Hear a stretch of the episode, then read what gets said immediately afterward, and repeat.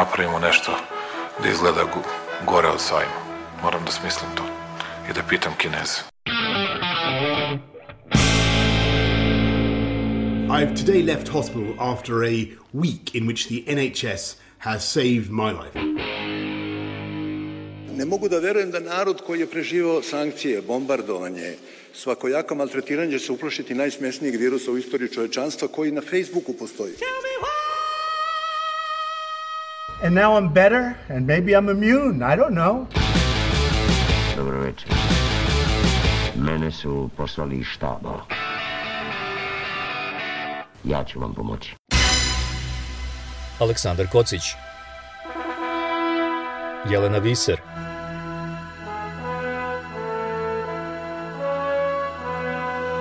Radio Karantin Hronika istorije u nastajanju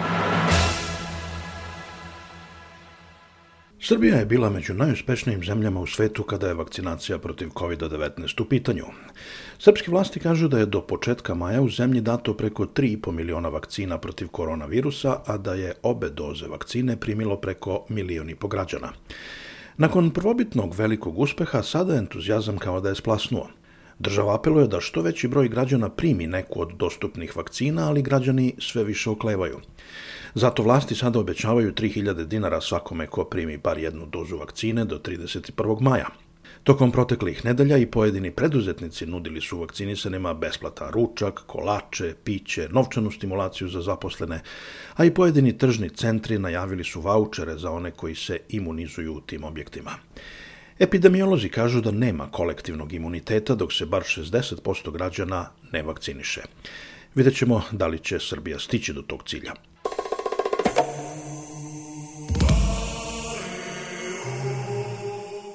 Ja sam Aleksandar Kocić, a moj današnji gost je doktorka iz Novog Sada, Dragana Balać, koja radi na prvoj liniji zdravstvenog fronta, na vakcinaciji građana. Kako iz njene perspektive izgleda ta velika logistička i zdravstvena operacija? Da li se građani raduju, da li se neki plaše, šta pitaju ili traže? U četvrtak smo imali jednu veliku akciju i to se meni jako dopada što je naš direktor stvarno ovaj, vrlo, vrlo savesna osoba i mi idemo da vakcinišemo po staračkim domovima i po ovaj, tim vrlo specifičnim ustanovama kao što je dom u Veterniku. To je, on se nekada zvao dom za decu, za decu i omladinu metenu u razvoju. Tako da je to vrlo, vrlo specifična situacija i mogu da kažem da je, ja mislim, 95% ovaj, korisnika vakcinisano. Kad ste počeli da radite na vakcinaciji? Pa ja sam u COVID sistemu praktično od kad je počela, počelo sve ovo.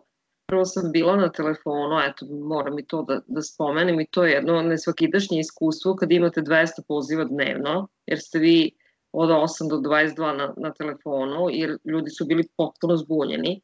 A, posle toga smo radili pa uglavnom telefon i onda čim je krenula vakcinacija, ja sam bila odmah u timu, znači to je negde od februara, januara, kraj januara počela vakcinacija u Srbiji. Kako izgleda jedan vaš radni dan kad vakcinišete? Opišite mi gde ste, jel se menjaju punktovi, jeste stalno na jednom mestu?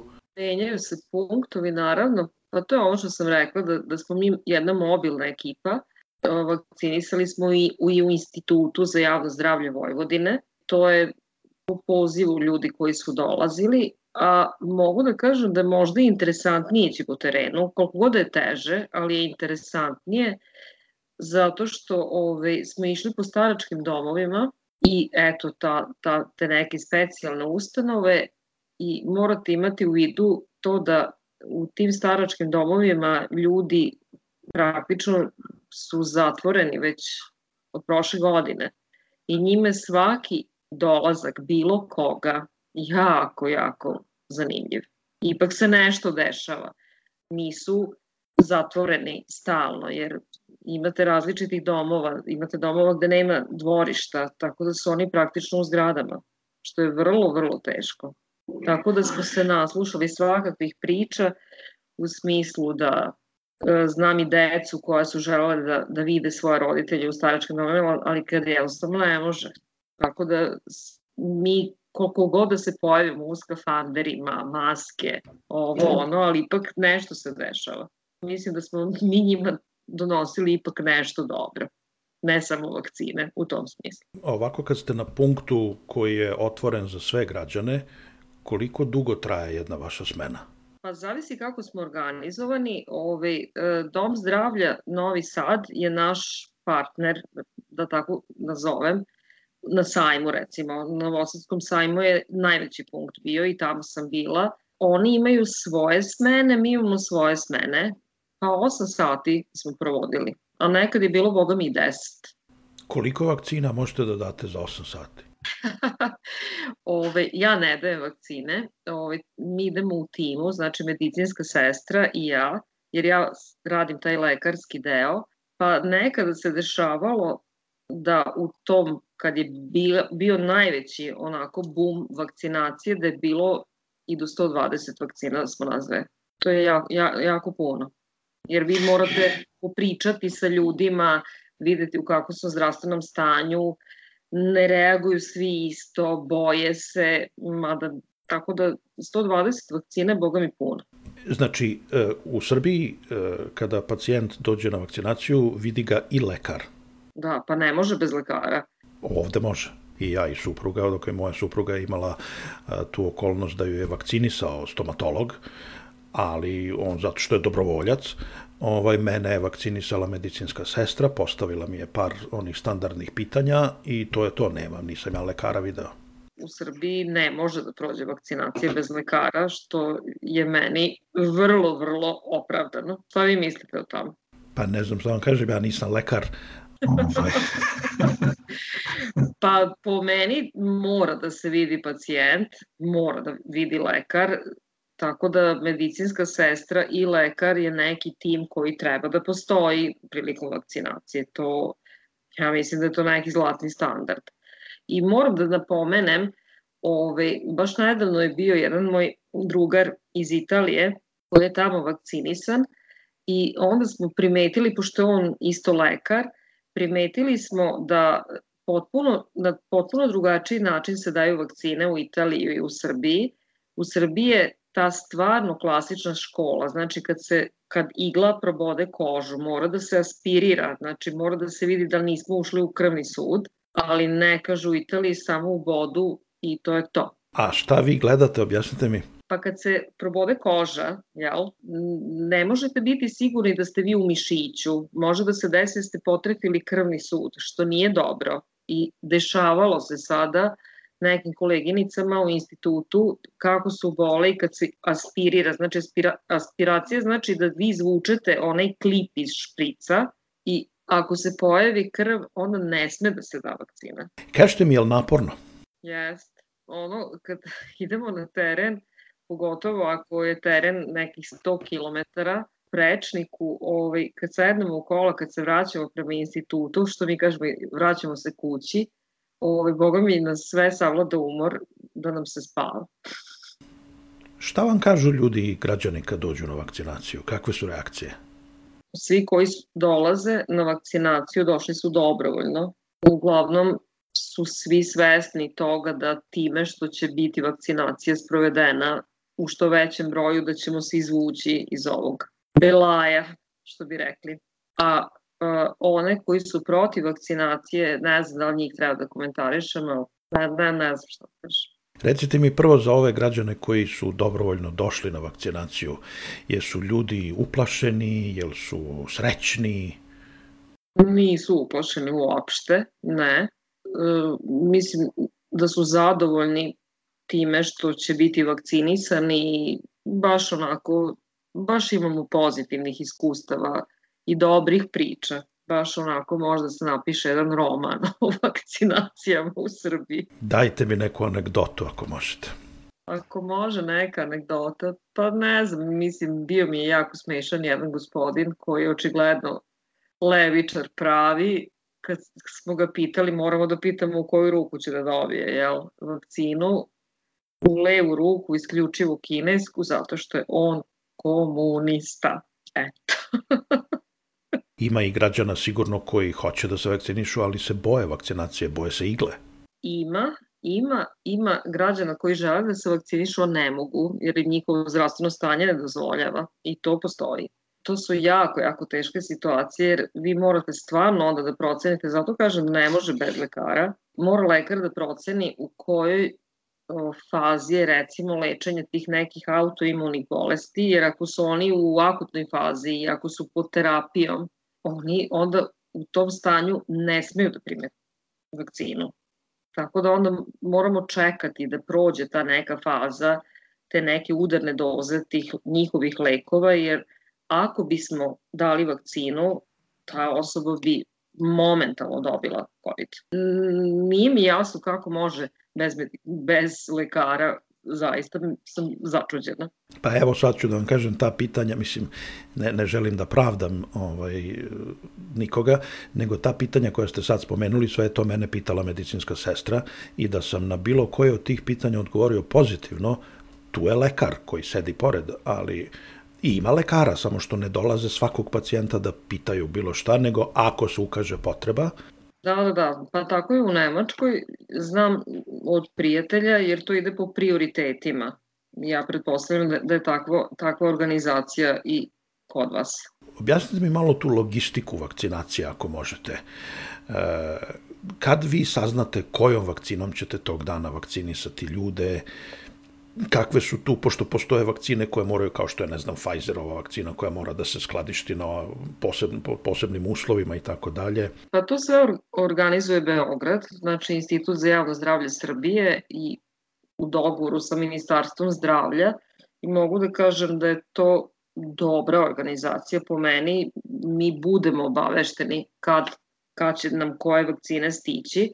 Onda vakcine stižu u Institut za javno zdravlje Vojvodine gde ja radim i onda se odatle distribuiraju po Južno-Bačkom okrugu, recimo, jel, jer mi smo zaduženi za to, tako da za Vojvodinu mogu da kažem da isto tako, znači ti neki centralni instituti ili zavodi za javno zdravlje su punktovi gde iz Beograda dolaze vakcine i tako se onda distribuira po domovima zdravlja i sve ostalo. Ja sam zadovoljna, ne znam. Mislim, mislim da sve ide jako dobro.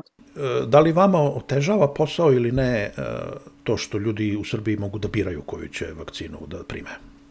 U neku ruku možda da, ali mislim da ne. Mislim da ne. Malo je samo komplikovanije. Naj, najlakše je ovi, davati kinesku vakcinu zato što je to jedna doza u jednoj bočici jer ovo ostalo sve zahteva neku drugačiju pripremu. Tako da je za medicinskog tehničara možda komplikovanije da se to onda strogo vodi računa kako se rastvara ta vakcina i sve ostalo. Tako da, eto, mogu da kažem da ta komunistička vakcina se najlakše daje. Da li je bilo dobro i neophodno ponuditi ljudima da biraju koju će vakcinu da prime, jer Srbija je zaista jedna od redkih, ako ne jedina zemlja koja tu mogućnost svojim građanima nudi. Pa ako već postoji mogućnost, ja sam se to isto pitala, ove, ali ako postoji mogućnost da, da biraju vakcine, ja sam za to. Nek biraju, svako nek izabere šta, šta želi da primi. Šta ja znam o vakcinama da bi sad rekao ne, neću kinesku, daj mi rusku? Pa ne znam, ne znam šta vi znate, ali... ali... Prosečan građanin. Ne, ne, ne, znam ovi, šta me pitate, ali antivakcinaši će vam naći dlaku u jajetu za svaku vakcinu. Tako da ove, ja sam gomilu ljudi skinula sa svoje mailing liste i, i, i raznih lista svojih, zato što ja to ne mogu da slušam. Ne mogu da slušam budalaštine, zaista ne mogu. Da će da se uništi planeta Zemlja, da će ovo, da će ono, ne mogu. Šta vi mislite, da li je, da li je kampanja javnog zdravlja i, i slanja poruka omanula? Ne samo u Srbiji, generalno. Jer evo, Francuzi imaju isto veliki problem, Amerikanci, zapela vakcinacija. Dostupnost informacijama, znači internet koliko god da je dobar, s druge strane baš i nije. Jer na internetu možete naći svakakve budalaštine i to što vi kažete jedan prosečan građanin, a morate imati u vidu da u Srbiji baš ne koriste jako puno internet i znači nedavno sam gledala jednog našeg poznatog pisa koji je rekao da je bio negde u Srbiji gde se gleda samo RTS, znači nigde nema nikakve informacije druga, znači samo nacionalna frekvencija i to isključivo RTS, oni imaju informaciju samo odatle. A ovi prepametni, pod znacima navoda, koji na internetu gledaju svašta, a ne znaju osnove biologije, dolaze do zaključka da, eto, ne znam, menja mi se DNK, ne, ja ne mogu da vam opišem do koje mere neki obrazovani ljudi fantaziraju o vakcinama. I onda omiljeni argument je kako do sada nije pronađena vakcina za HIV. E, to je omiljeno. I onda kad kažem da za HIV postoje lekovi, da su ljudi stabilni, da ne, Ne, to je osnovni argument i tu, tu se zakucavamo i ja dalje ne nastavljam priču, apsolutno. Ovde je po nekim istraživanjima oko petine građana, znači oko 20% je bilo e, skeptično prema vakcinama, e, prema vakcinaciji. Međutim, kako je krenula vakcinacija, tako je taj broj krenuo da pada, jer su ljudi onda videli kod svojih komšija, rođaka, prijatelja i tako dalje. Tako da je sam proces vakcinacije imao pozitivan efekat i Britanija trenutno spada među zemlje koji imaju najmanji broj ovih skeptika Teo sam da vas pitam sa druge strane, evo vi ste na prvoj liniji fronta, da se tako izrazim, e, zašto je zapelo u Srbiji? Kao da više nema mnogo zainteresovanih za vakcinaciju, pa sad država mora da stimuliše ljude voucherima i ovaj, sitnim parama. Pa vraćamo se na nivo obrazovanja. Ja sad ne mogu da, da to preskočim. Zaista ne mogu da preskočim. Ja mislim da smo mi jako, jako neobrazovana država ovaj, u koju se jako malo ulagalo u, ovaj, u obrazovanje, tako da prosečan građanin ove zemlje, ne znam, mislim, neobrazovanost i glupost, eto, ne, nem drugo objašnjenje. A s druge strane, krivim i medije, iskreno, zato što puštaju koje kakve, stvarno su puštali koje kakve ovaj, da pričaju svašta, Tako da, s druge strane, internet ne možete kontrolisati.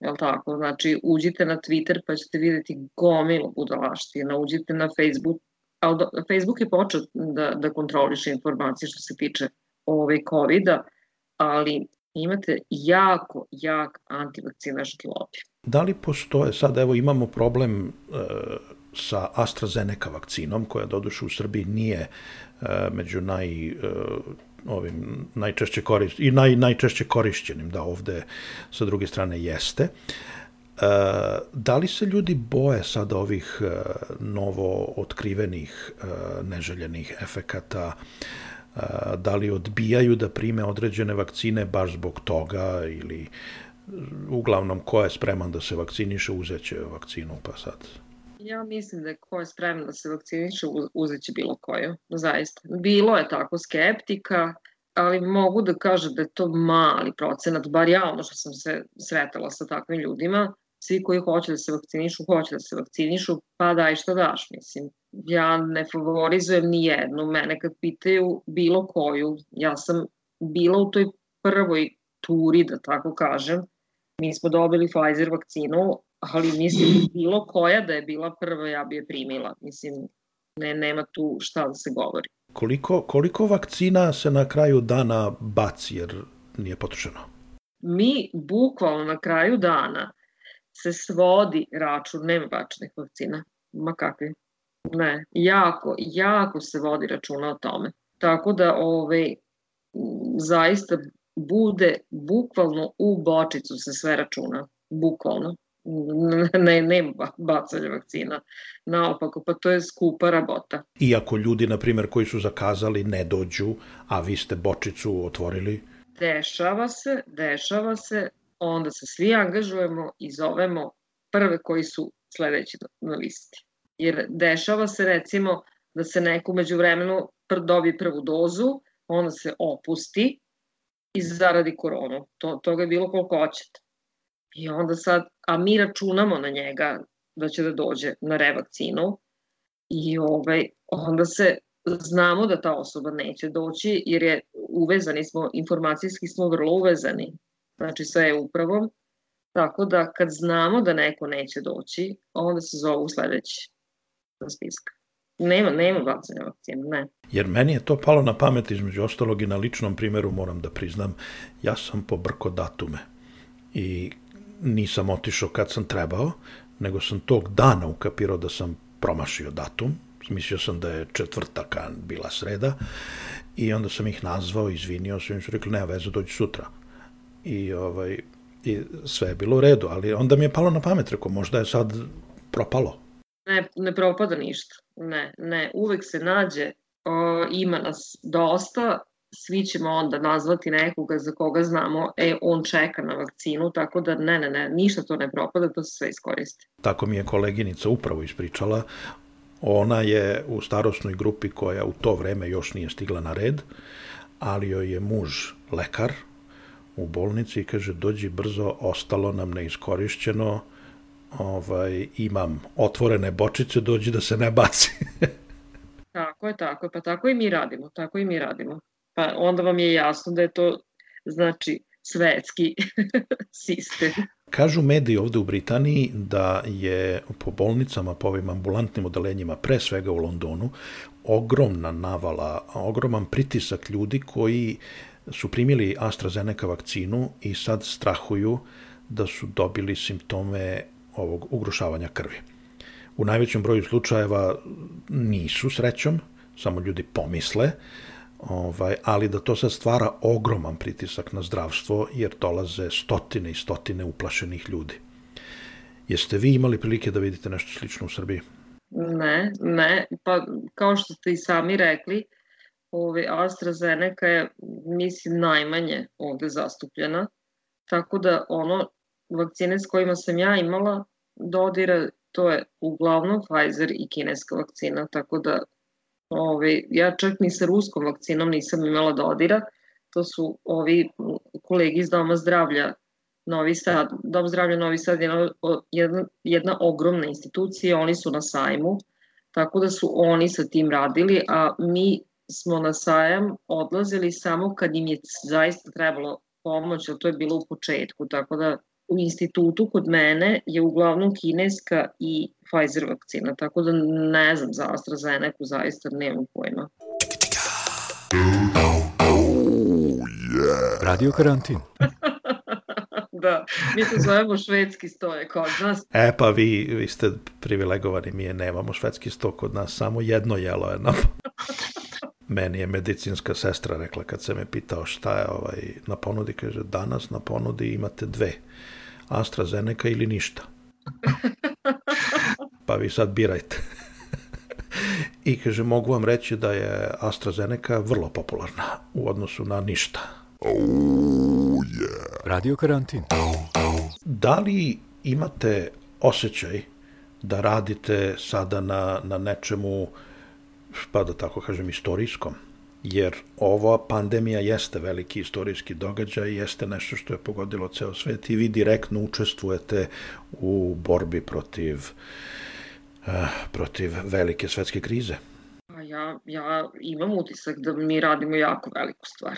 Tako da ja, ali ja sam samo jedan šraf, mislim, tako da bez šrafova nemaš mašina da radi. Zato kažem, mislim da je jako, jako važno da ovaj, i meni je drago da sam u ovom procesu, koliko god da je nekada teško, ali meni je drago da to ide zaista dobro u Srbiji građani, koliko ja mogu da pratim sa strane, su oduševljeni organizacijom i ljubaznošću osoblja zdravstvenog koji ih vakciniše i to je, to je priča koja se ponavlja bukvalno sa svih mesta u Srbiji.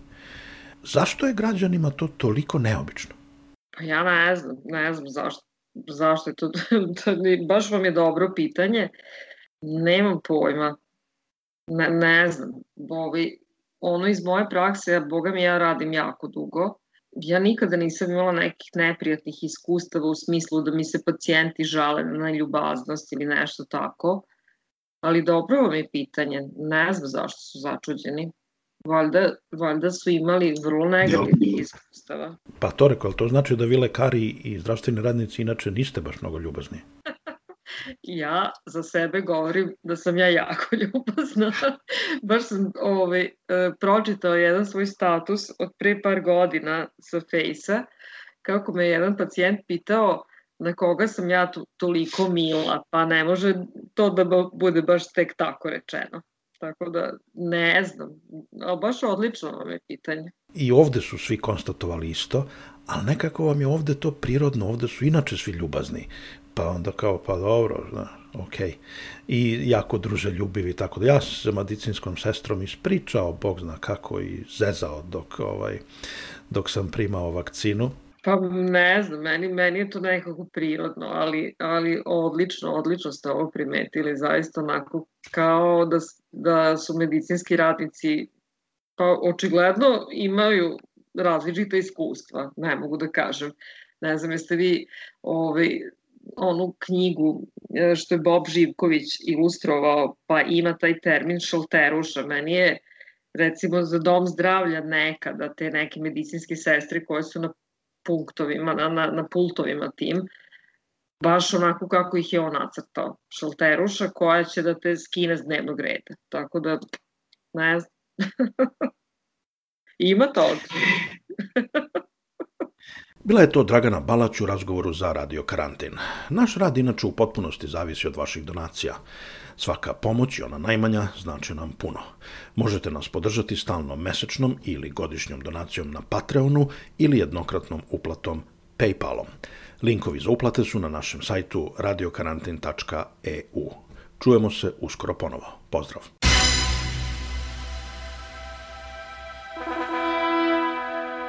Moramo da napravimo nešto da izgleda gore od sajma. Moram da smislim to i da pitam kineze. I've today left hospital after a week in which the NHS has saved my life. Ne mogu da verujem da narod koji je preživao sankcije, bombardovanje, svakojako maltretiranje će se uplašiti najsmesnijeg virusa u istoriji čovečanstva koji na Facebooku postoji. And now I'm better, and maybe I'm immune. I don't know. Dobro večer. Mene su poslali iz štaba. Ja ću vam pomoći. Aleksandar Kocić Jelena Viser